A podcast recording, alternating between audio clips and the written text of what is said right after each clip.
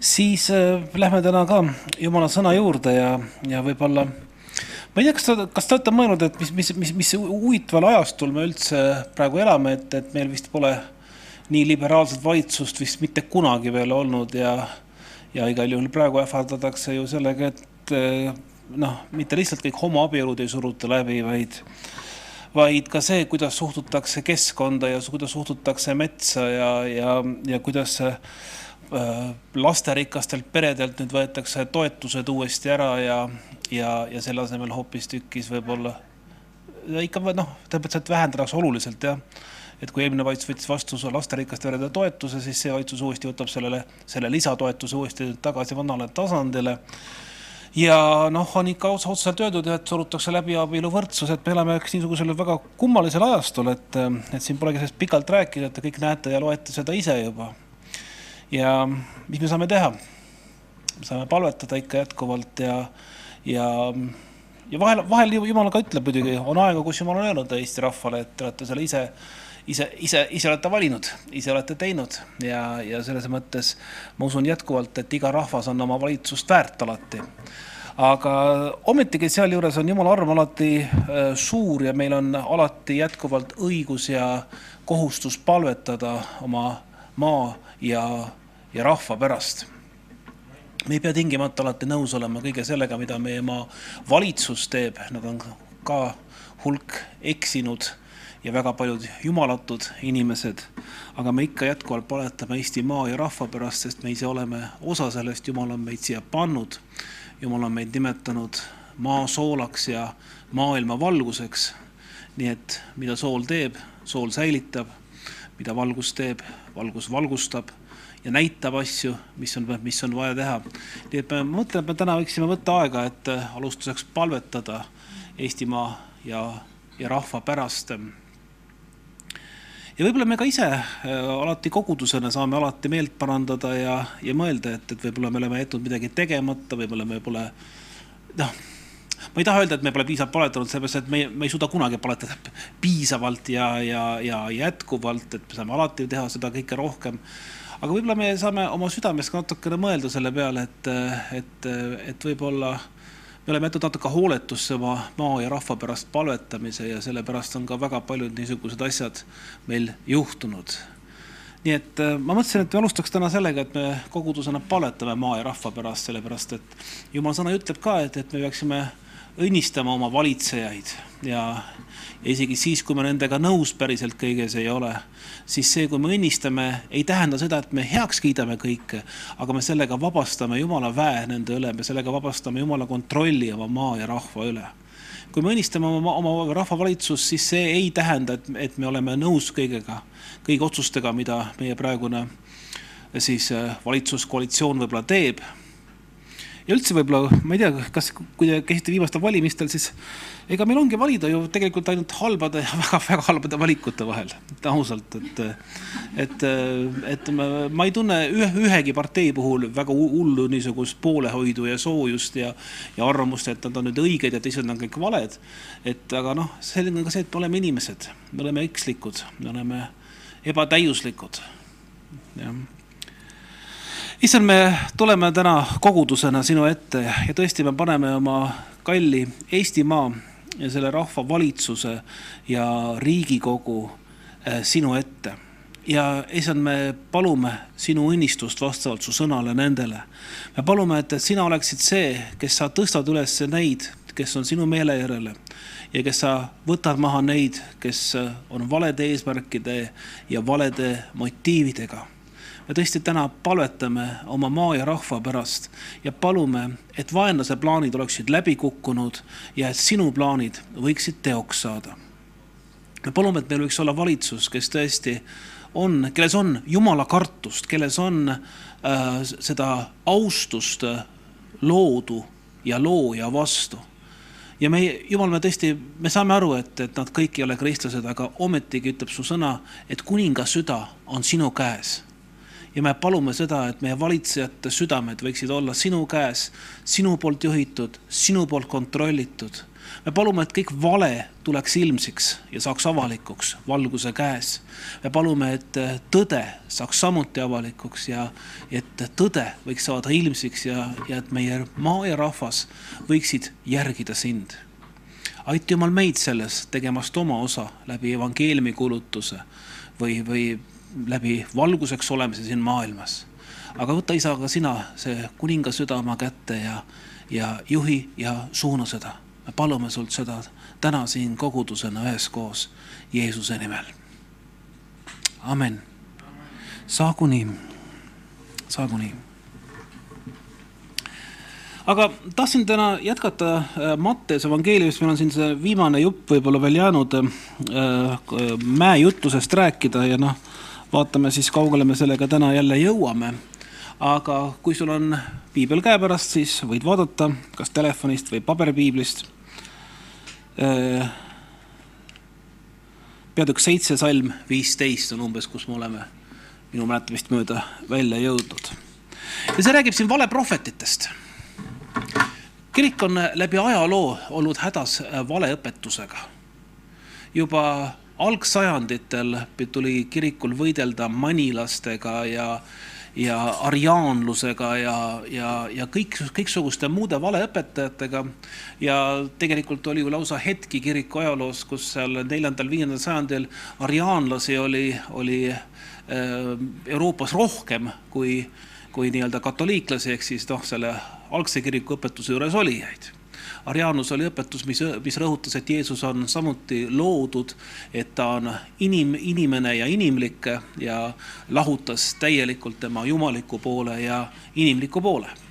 täna on selle õpetuse juures äh, jätkuvalt üks äh, liikumine, mida ma ei tahaks isegi kirikuks nimetada. kes need on?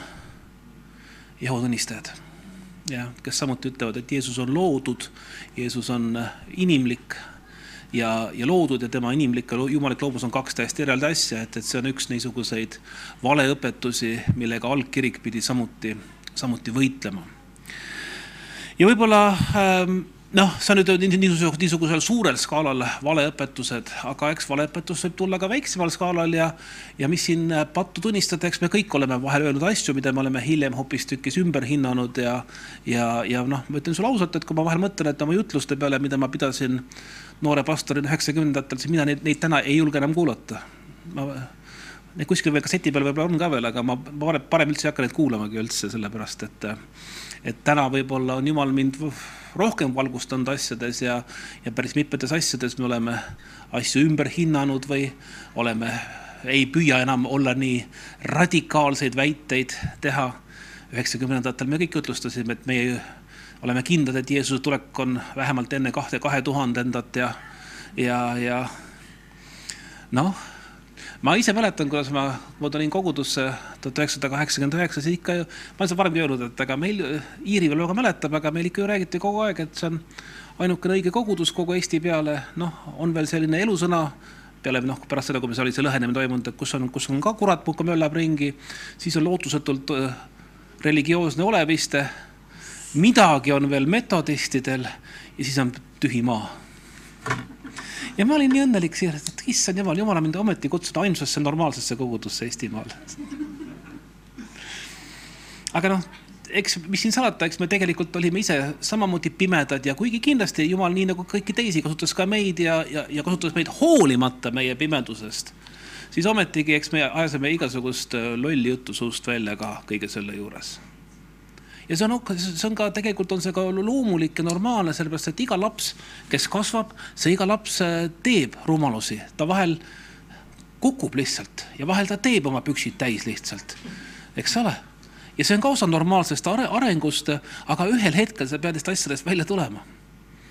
kui, kui, kui me ikka täna juba püksid täis teeme, siis on see ikka näitab, et midagi on korrast ära meiega, et see areng ei ole toimunud äh, täiesti normaalselt ja niimoodi on ka kõikide nende valeõpetajatega, et piibel ütleb, et neid tuleb kindlasti ja valeõpetusi tuleb meie keskel ka, aga kõik sõltub, aga on antud ka veel üks niisugune hea hinnang, et kuidas seda ära tunda hoiduge valeprohvetist, salm viisteist, seitse viisteist, kes tulevad teie juurde lammaste riietes.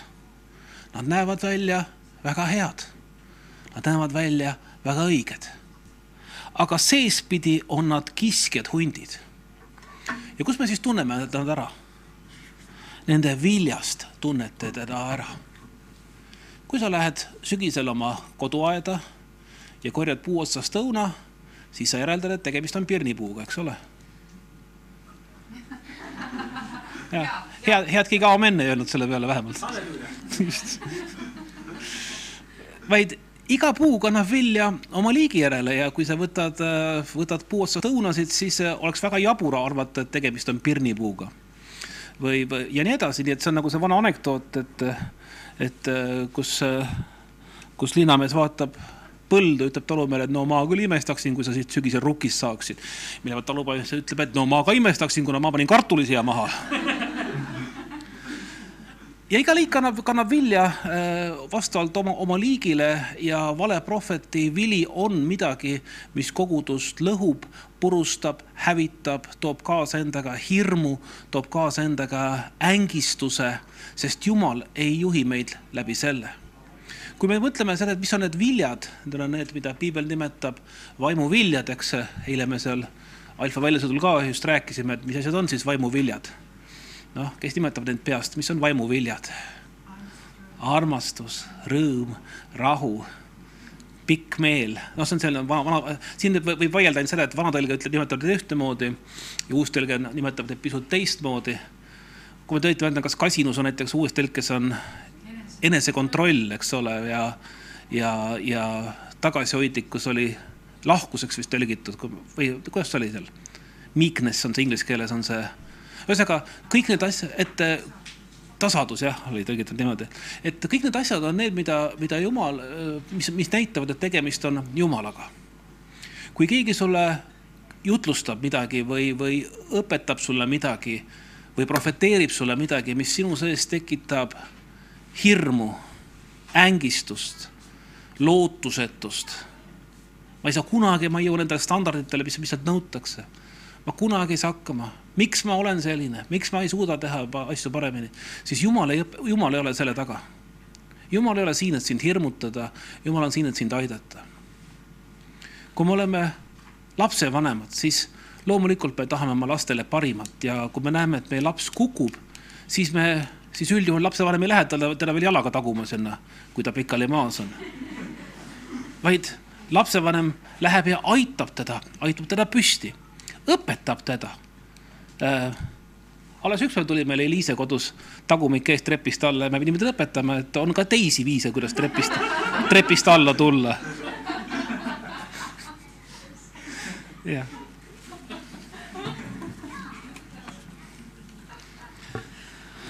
Nende viljast te tunnete nad ära ja ega noh, siin ta ütlebki, et ega viinamarju ei nopita kibuvitsadest või viigimarju ohakatest kui sa lähed ja korjad kibuvitsamarju, siis on need, siis on, võid sa järeldada, et tegemist on kibuvitsapõõsaga.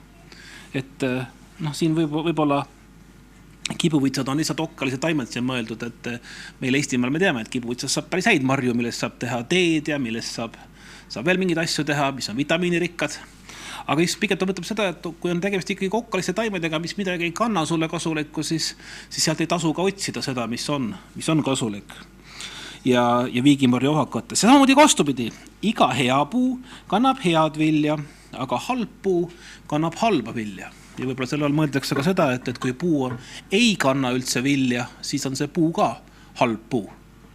me oleme rääkinud ju, kuidas me alu, oma alõtšapuid ähvardasime, et kui te nüüd ikka vilja kandma ei hakka pärast seitset aastat, siis on teiega just, mille peale nad siis järgmine aasta hakkasid mõlemad hirmsat moodi vilja kandma, nii et nii et et me kunagi, kui keegi mäletab ja kogu see oli sihuke mees nagu, nagu Mihhail Mišah, keegi mäletab teda veel, ei mäleta? sihuke vene mees oli meil, siis tema kinkis oma aiast meile neli õlõtšaputest, kaks jäid kasvama ja täna nad pärast seda viimast ähvardust, kui oli meil seitse aastat aias lihtsalt kasvanud ja lihtsalt lehti ajanud ja varsi ajanud, siis nüüd on nad, kannavad kollaseid ja punaseid õlõtšamarjasid mõlemad halb puu ei, tähendab, hea puu ei või kanda halba vilja ega halb puu head vilja. Iga puu, mis ei kanna head vilja, raiutakse maha ja visatakse tulle. nõnda siis nende viljast tunnete nad ära. ja võib-olla ongi, ongi just see vili on see, mille järgi me saame hinnata kõike seda, mis meie ümber toimub, et missuguseid vilju see üldse kannab. ja tegelikult, kui me kogudusena usume seda, et, et me tahame olla osa Jumala riigist, siis meie osa on see vilja kandmine. lugesin üks päev niisugust kirja kohta nagu, kui sa võtad siia näpu siia Matteuse seitsme vahele ja hüppad edasi mõned peatükid salmist kakskümmend, vabandust, peatükist kakskümmend viis, Matteuse kakskümmend viis siis sa, ma olen sellest, ma olen sellest ka varem rääkinud, aga ma kuidagi nägin ka täna veel ühte uut nüanssi siinjuures, see on Matteuse kakskümmend viis, neliteist. ja siin on selline lugu, et Jeesus jällegi toob siin tähendamissõnasid. Ja selles mõttes mulle meeldib väga see, no ma ei tea üldse, kas tohib öelda Jeesuse kohta, et sulle meeldib või ei meeldi. aga mulle meeldib see, et, et Jeesus äh, ei räägi niimoodi nagu kuidas öelda, nii et moraal on iga loo lõpus oma saba liputamas vaid ta räägib tähendamissõnu, kus sul tuleb ise mõtelda. See on nüüd võib-olla kõrvalepõige, aga minu arust on just suur viga tehtud kõikide nende niisuguste nõndanimetatud kristlike filmidega, kus iga filmi lõpus on niisugune tõsine moraal, kus kõik ära seletatakse sulle, miks on asjad niimoodi ja kuidas peavad asjad olema. selles mõttes, et lastud sul omal mõelda, miks need asjad on niimoodi läinud ja, ja kuidas need asjad niimoodi lähevad. Jeesus räägib siin ka tähendamissõna talentidest. oleme me oleme kuulnud ju ka, ka eesti keeles, eks ole, et, et talent on millegi oskus ja see ongi tulnud jumala sõnast. et ähm, see ongi, ongi tõlgendus sellest kirjakohast, aga tegelikult algselt oli talent siis teatud rahasumma. ja üks talent oli päris suur rahasumma ähm, selle kohta ma lugesin just veel, veel vahetult enne jutlust erinevaid hinnanguid erinevates äh, erinevates tõlgetes on selle kohta erinevad hinnangud, aga võib-olla üks lähim tõlge võiks olla see, et, et see on, üks talent on sada teenarit. sada teenar, nagu te teate, oli lihttöölise päevapalk umbes.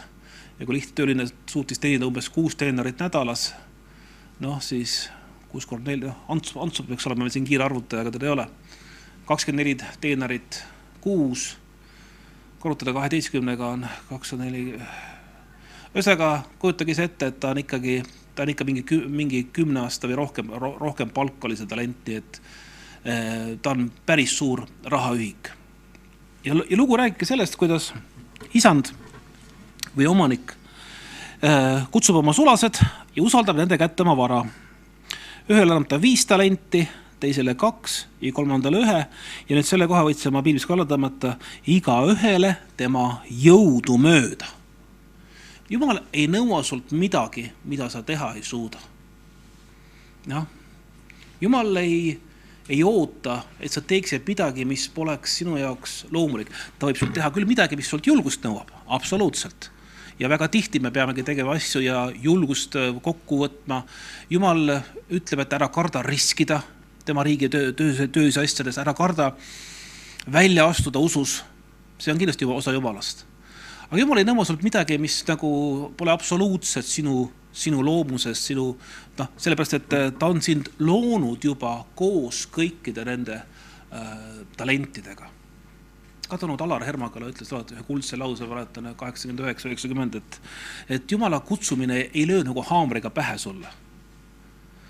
vaid ta on midagi, mis on koos sinuga kaasas ja jumal tundis, ütleb, jumal sõna ütleb, et jumal tundis sind juba enne maailma loomist, enne maailma rajamist. enne kui sa üldse hakkasid oma ema sees arenema, ju tundis ja teadis jumal sind.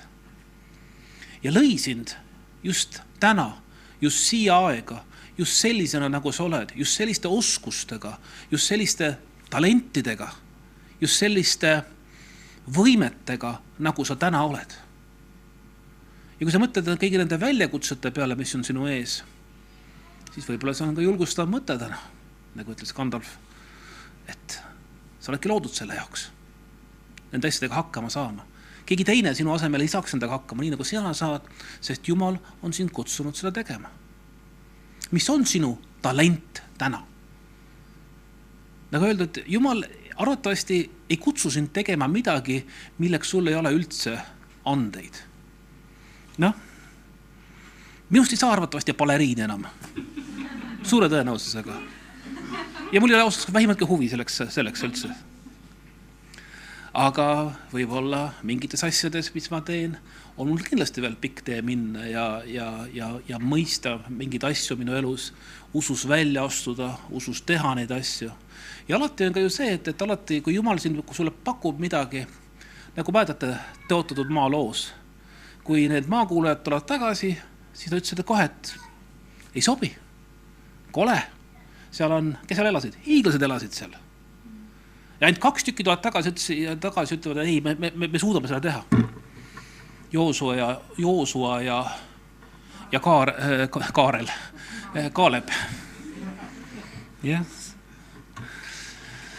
Nad tulid tagasi, ütlesid, et me saame seda teha ja nad, kui nad siis lõpuks usus välja astusid, siis jah, hiinlastega tuli tegeleda ja nendega tuli võidelda, aga samm-sammu haaval, päev päeva haaval, need hiinlased ka võideti ja tõotatud maa sai jumala rahvale jumala, jumala rahva kätte. et jumala plaan ei tähenda seda, et asjad lähevad alati nagu lepase reega, asjad ei tähenda seda, et asjad lähevad jõle, jõle kergesti, vaid, vaid, vaid selles on oma pingutus. Ja nõnda ka needsamad inimesed, kellele anti seal siis vastavalt nende võimetele, anti neile talendid, anti noh, ütleme nagu me lugesime, see on päris suur rahaühik. kes oli saanud viis talenti, läks kohe ja kauples nendega ja saavutas teist viis lisaks nõnda samuti, kes oli saanud kaks, saavutas teist kaks lisaks. aga see, kes oli saanud ühe, läks ja kaevas selle maa sisse ja peitis ära oma isanda raha. ja siis tuleb isand tagasi. Lõppkokkuvõttes ju see, nad kõik kasutasid seda raha ju selles mõttes hästi. mitte keegi neist ei öelnud isandale, et meid, ma ei tea, kuhu raha jäi. no oli, aga no enam ei ole, noh no oli jutt ju, et võta, aga pane tagasi, mäletate Kreisi raadiot? ja iseenesest nad kõik ütlevad, et esimesed kaks ütlevad isandale, no ma ei hakka seda kõike ette lugema, võin seda lihtsalt parafraseerida, aga kes tahab, võib lugeda piiblist näppu vahel hoida ja jälgida, et ma ei, ei mõtle seda lugu välja. see, kes oli saanud viis, see sai kiita isanda käest. tubli, ole, said viis, teenisid veel viis juurde, kasumiks on sada protsenti. ehk siis nüüd on see raha kogus, mis, mis on anti, kahekordistunud. teine sa ja, ja, ja, ja issand ütleb talle, et sa oled ustav olnud vähese üle, ma panen sind palju üle. Sa oled ustav pisku üle, ütleb vana tõlge, panen sind palju üle, mine oma issanda rõõmusse. ja astus isegi ka see, kes oli kaks talenti saanud, ütles, et noh, näed sa, siia oli kaks, nüüd on neli, jällegi kasum täitsa olemas oled olnud ustav, vähese üle, panen sind palju üle, mine oma issand rõõmusse ja kakskümmend neli salm siis astus esile ka see, kes oli saanud ühe talendi ning ütles, isand, ma teadsin, et sa oled kalk inimene. Sa lõikad, kuhu sa ei ole külvanud, sa kogud sealt, kuhu sa pole puistanud. Ja ma kartsin ning läksin ja matsin su talendi maha. vaata, siin on sinu oma. see kirjakoht on mind alati kuidagi häirinud. Just selle mõttega, et kui ta ütleb isanda kohta jumala sõnas, et, et sa oled kalk isand, sa, sa lõikad, kus sa pole külvanud. Siis ma, ma, ma ei saanud aru, mikspärast isand sellele vastu ei vaidle või mikspärast isand lepib sellega. Ja mõtlesin, et, et mida, mida piibel tahab sellega öelda. ja ma mäletan, kui ma seda ükspäev lugesin, siis ma sain, ma sain korraga aru, et tegelikult, mis näitab seda, et selle sulase suhe isandaga oli algusest peale paigast ära. midagi oli sellest kõigest koheselt imelikku. ta ei usaldanud oma isandat, tal ei olnud temaga suhet. ja ta ütleb, et noh, jah, et ma kartsin, et et kui ma astun välja ja teen midagi selle rahaga, siis ma võin sellest ilma jääda, ma võin kaotada tehingutes, matsin maha, kaevasin nüüd välja, pühkisin puhtaks, siin ta on, palun väga, kõik on väga hästi. ja võib-olla me ka ise mõtleme oma, oma talentidega niimoodi, et oh, mis nüüd mina seal koguduses on need, kes muudkui möllavad, Fredi möllab seal ja teeb ja asju ja Viivika ja, ja, ja küll need pastorid seal teevad ja päästavad maailma ära ja küll noh, küll nemad teevad, noh. mis mina nüüd? No ma panin ükskord korjandusse raha natuke ka juba ja noh, et mida mult veel oodata on. aga see on see üks talent, mida jumal sihukest ootab sel juhul, kui sa ütled tõesti, et minus ei ole mitte mingeid võimeid, siis mõtle, kus kohas on see, see võime, mis sa oskad teha, mis sa saad teha mida sa ette võtad sellega, mis Jumal on sulle andnud? me mõistame, et, et kui sul pole tõesti mitte midagi, peaksid sa olema ilmselt koomas või ma ei tea, ühesõnaga võimetu üldse tegutsema või rääkima või olema, aga kuni sa oled võimeline siia tulema või võimeline kodus arvutist teenistust kuulama, siis tegelikult on sulle ikka antud üht koma teist. ja mõtle, mis sa saad teha sellega, sest et see sulane, kes ütleb isandale, et sa lõikad, kus sa pole külvanud ja kartis ja ma jätsin maha, aga näe, hoidsin alles, ei teinud midagi paha.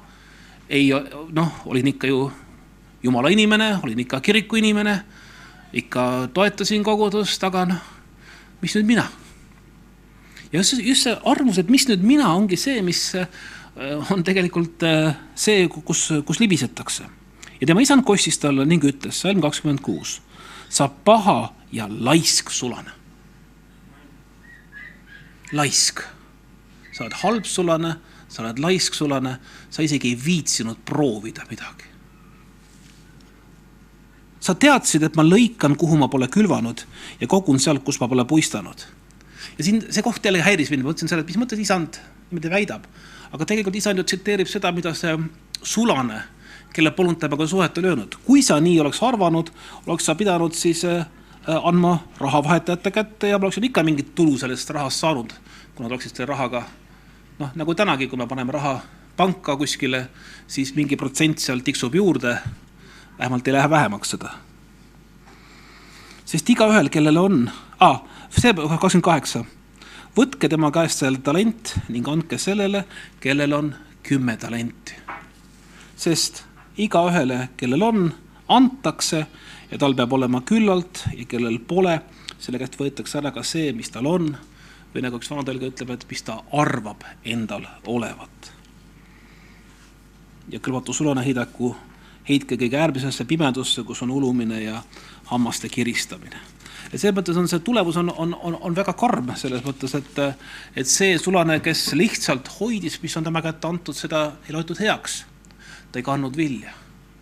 nagu vist lugesime ka seda, et puu, mis ei kanna vilja, see raiutakse maha ja selles mõttes on see niisugune jällegi, jällegi see ei ole kuidagi nagu, et meid hirmutada või panna mingi ängistuse alla ja mõtlema, issand jumal, mis ma veel, veel saan teha, eks ole. vaid pigem mõtlege seda, et kus on sinu talent, et kus sa saad seda arendada ja, ja, ja kuidas sa saaksid sellega Jumala riiki kasvatada. Jumala riik ei olegi ju lõpuks ainult ju meie koguduse töö, loomulikult on ka see hästi oluline, aga mõtle, kuidas sa võid olla õnnistuseks oma naabrile, oma töökaaslasele, oma koolikaaslasele, oma sugulastele, oma perekonnale. vahel on inimesed tulnud ja öelnud, et oo oh,, et mul oleks vaja toetust ja abi, et minna kuskile Aafrikusse metsikuid paganaid pöörama aga võib-olla sa peaks kõigepealt omaenda kodus toa korda tegema, oma mustad sokid maast ära koristama. äkki alustaks sealt missioonitööd võib-olla. võib-olla on sul kodus karipaganaid, keda pöörata töö juures või koolis, kust alustada seda tööd. et seda ei pea tingimata kohe võib-olla Aafrikast alustama või, või Lõuna-Ameerikast või, või kust iganes, eks ole, vaid et võib-olla alustame lihtsamate asjadega, mis on meile täna kättesaadaval ja kui me oleme ustavad väheses, paneb Jumal meid juba, juba palju üle. no mis siin ajalugu on tegelikult täis niisuguseid huvitavaid fakte ju, et üks esimesi protestantlikke missioneid oli, missionäre oli William Carey äh, Anglikani kirikust. ta läks Indiasse ja ta töötas seal kuskil kümme aastat, et kulutada evangeeliumit India lastele. ja kümne aasta pärast Detmoldil oli pöördunuid kui ma õieti mäletan, see oli, see oli tal vist kas null või oli see üks. pärast kümmet aastat tööd ja tuli, ta tuli tagasi Inglismaale, ta oli ikka täiesti masenduses tegelikult, et et kümme aastat ma tegin seal tööd ja tegin missioneid ja ma ei mäleta, kas see oli null või üks, aga igal juhul noh, peaaegu et olema, olematu pöördunute arv. aga ta jätkas seda tööd ja, ja noh, ta oli ustav Jumalale ta läks sinna tagasi ja siis, kui ta seal see, see teine kümneaastane periood algas, siis, siis juba hakkasid seal esimesed tõelised pöördumised tulema, nii et äh, William Carey't loetakse protestantliku misjoni niisuguseks üheks rajajaks, et muidugi jah, tuleb tunnistada, et meie venad katoliiklased olid selles mõttes meist tublimad, et juba äh, viisteist, kuusteist sajand nad üritasid pöörata inimesi nii Lõuna-Ameerikas kui ka, kui ka Aafrikas, aga meie protestandid olime natuke aeglasemad ja meil võttis aega, et aru saada selle olulisusest. salm kakskümmend üks, oleme jõudnud nüüd juba uue teema juurde, sõnad ja teod. mitte igaüks, kes mulle ütleb, issand, issand, ei saa taevariiki, vaid kes teeb mu isa tahtmist, kes on taevas. mitmed ütlevad mulle tol päeval, nii et pange tähele, et, et asi pole ainult niisuguses õhkamises, oh issand küll mida me ikka kõik, kõik teeme, vaid et siin on, siin on palju, veel palju rohkemat taga. mitmed ütlevad mulle tol päeval, issand, issand, kas me pole sinu nimel ennustanud, prohveteerinud, eks siis. sinu nimel ajanud välja kurja vaime, sinu nimel teinud palju vägevaid tegusid ja ma tunnistan neile, pole teid ealeski tundnud, taganege minust, ülekohtu tegijad me elame maailmas, kus äh, väga kerge on teha nägu, et, et me oleme midagi, et me saavutame midagi, me oleme, eriti läänemaailmas, me oleme edunäljased. ja mingis mõttes on see ka ju väga kurb, kuidas väga paljud evangelistid peavad oma, kuidas, kuidas, kuidas newsletterit tõlkida, oma uudiseid, uudiskirja, oma uudistekirja kirjutama kogu aeg, et mitusada on jälle päästetud saanud või mitu tuhat või, või mitukümmend tuhat või et äh, seda edu kogu aeg demonstreerida aga jumala riik ei ole ainult edulood. kui te mõtlete kõigi nende jumala riigi inimeste peale, kes on olnud, siis, siis nendel on edulood vaheldunud läbikukkumistega. kuningas Taaveti edulood vahelduvad sellega, et, et ta muutub alguses kuningas Sauli vaenlaseks. ta peab elama pagenduses. ja kui ta ka lõpuks saab kuningaks, on tal seal mitmeid tagasilööke, eks ole, pattu ja, ja, ja, ja valesid otsuseid täiesti et see on tegelikult täiesti loomulik osa Jumala riigist, et, et asjad vahelduvad, nii nagu aastaajad vahelduvad. praegu meil on jällegi kevad tulemas ja taimed tärkavad ja vaadake, pungad vaikselt puhkevad puude peal ja, ja asjad muutuvad ja see on täiesti loomulik osa, et, et talvel on loodus mingisuguses puhkeseisundis. ja nõnda ka meie vaimulikus elus võivad olla niisugused hetked, kus me oleme justkui, justkui kõrbes, justkui nagu ei toimugi midagi aga see on vajalik, et selleks, et kui kevad tuleb, et siis jälle puhkeda.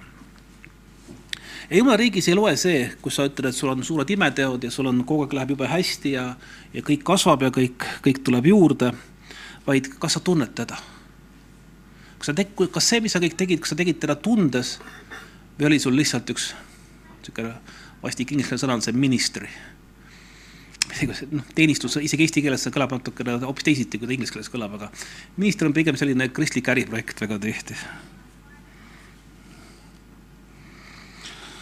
igaüks, kes mu sõnu kuuleb ja teeb nende järele, on võrreldav mõistliku mehega, kes ehitas oma koja kalju peale. ja ränk sadu tuli ja tulid vetevoolud ja tuuled puhusid ja söösid vastu seda seina, aga ta ei langenud, sest tema alus oli rajatud kaljule. nii et see sõna, sõna, et kui ränk sadu tuli, siis võib-olla eesti keeles meil ei ole niisugust grammatilist võimekust. Inglise keeles on see rohkem olemas, on see, et mitte if they, if they come, et kui nad tulid, vaid kui nad siis tulid. Nad tulid igal juhul, when they came, kui nad tulid ja nõnda me kõik kannatame oma elus kindlasti mingisuguste tormide ja orkaanide käes. Need ei jää tulemata. katsumused ei jää tulemata. aga kui me oleme rajanud oma elu kalju peale, mitte savi peale, mitte liiva peale, siis see maja ju jääb püsima. ma mäletan, kui me ehitasime oma maja Väänas, siis traktor tuli ja kõigepealt lükkas sealt mullakihi pealt ära ja siis tuli traktor uuesti ja kraapis sealt pehme paekivi pealt ära ja ja just selle pehme, siis kui oli jäänud ära järele kõva paekivi, mida traktori kopp enam ei jõudnud lõhkuda, siis sinna peale me hakkasime seda vundamenti valama koos ehitajaga siis. et, et selles mõttes jah, et me esimese me ehitasime tõesti puhtalt kalju peale, mis seal oli. et noh, ise, ise naersime ka, et see on nagu, nagu see piiblikirja koht. aga nii on ka meie elus, et see kalju ongi see alus, meie, meie, meie osadus Kristusega. siinsamas, kui sa just mõtled, et see on ju tegelikult ju sama mäejutus järjest, et Jeesus ei, ei öelnud vahepeal, et okei okay,, nüüd ma räägin sõnadest ja tegudest ja okei okay,, lõpetasime, nüüd ma räägin teile kahest koja ehitajast.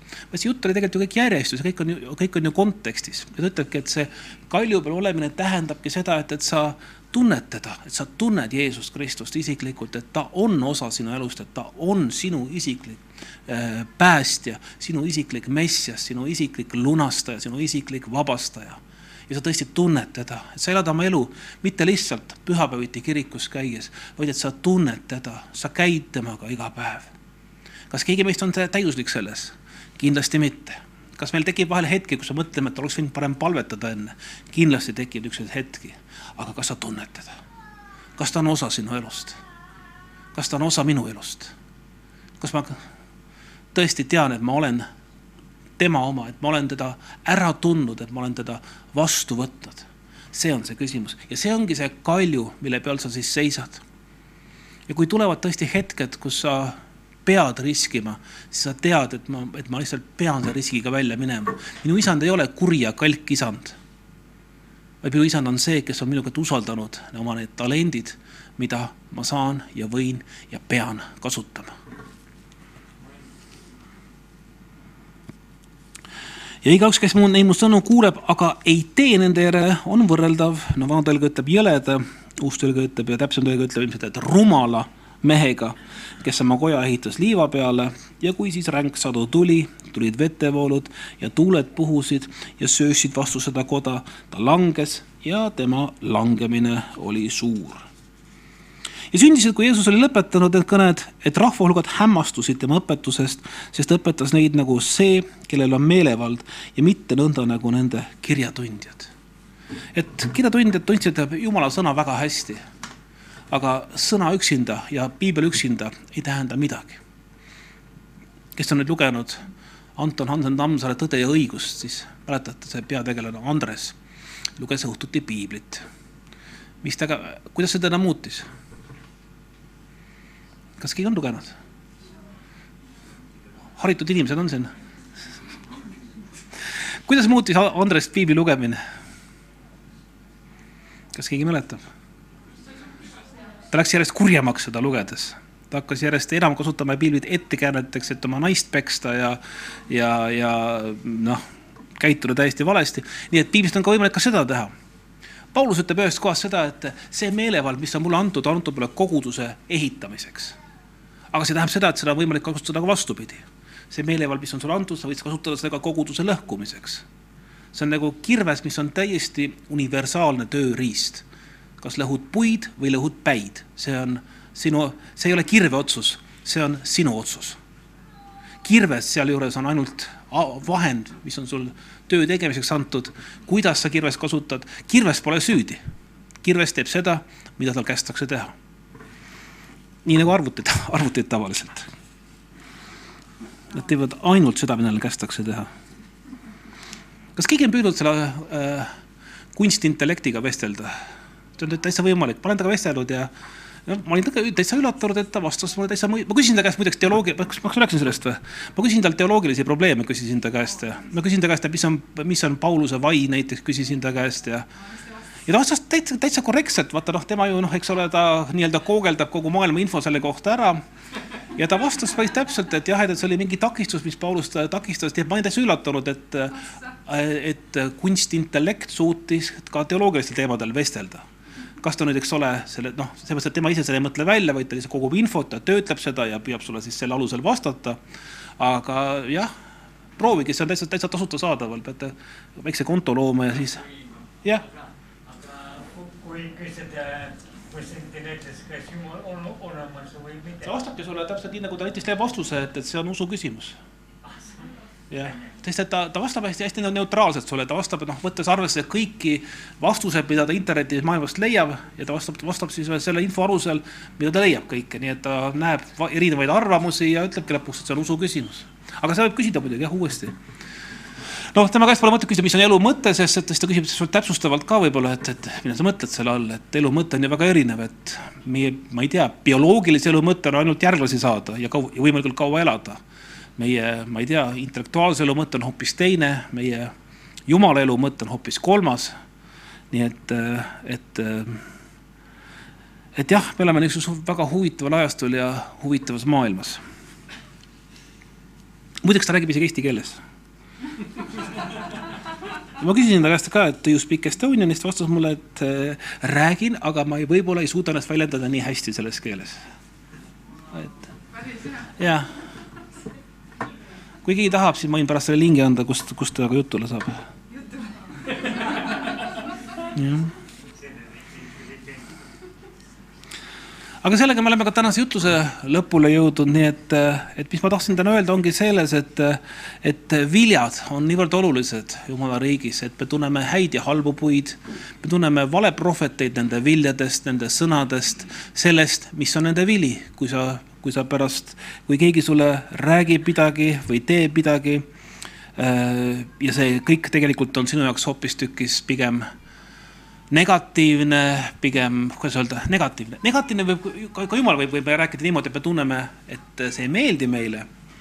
aga ta kindlasti ei jäta meid eh, niimoodi ängistusse, hirmu ähm,, niisugusesse närvilisusesse ähm,. jumal kindlasti ei ole selline neurootiline, ma ei tea, mis võiks parem sõna olla, selline äh, jah, selline skisofreenik, kes tekitab sinus neurootilisi tundeid, vaid Jumal on sinu taevane isa. seesama, see mäejutus ütleb seda, et, et kui meie laps palub meilt leiba, siis me ei anna talle kivi selle asemel. või kui ta tahab kala, me ei anna talle madu. ja Jeesus ütleb seal üks huvitav lause, et kui nüüd teie, olles kurjad, ta ütleb, et me oleme kurjad tegelikult võrreldes Jumala armastusega. mõistame anda häid ande oma lastele, kui palju enam teie taevane isa tahab teile anda häid ande, tahab teile anda seda, mida te elus vajate, tahab teid välja tõmmata kõigest jamast. ja vahel, ja isegi vahel, kui me mõtleme, et miks Jumal ei vasta meie sellele või teisele palvele, siis vahel on vastus väga lihtne, ta tahab sulle anda midagi palju paremat. ta tahab anda sulle midagi palju erilisemat.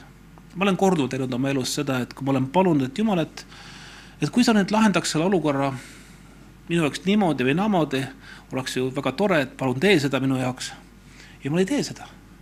sest et, et tema lahendus oli hoopis võib-olla kolmas või neljas, mis oli hoopis palju parem. mis oli, mis oli minu jaoks nägematu, kogematu, hoomamatu sel hetkel, kui ma paletasin seda. nii et võib-olla see julgustab teid täna natukene, et, et jumal on, jumal on parem, kui me arvame, jumal on lahkem ja heam, parem, heam, kui me arvame. ta on, ta on meie taevane isa ja kui me vahel ikka mõtleme, et milline on taevas, siis ta on palju parem, kui me arvame. või milline on põrgu, siis ta on palju hullem, kui me arvame. ja arvatavasti meie maised meeled ei ole võimelised isegi tajuma seda, kui palju parem on Jumal, kui palju parem tunne on olla taevas ja kui palju halvem on, on, on see põrgu ja, ja needus.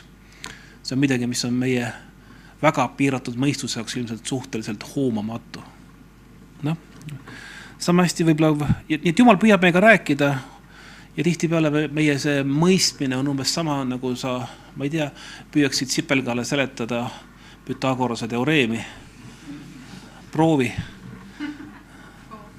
jah.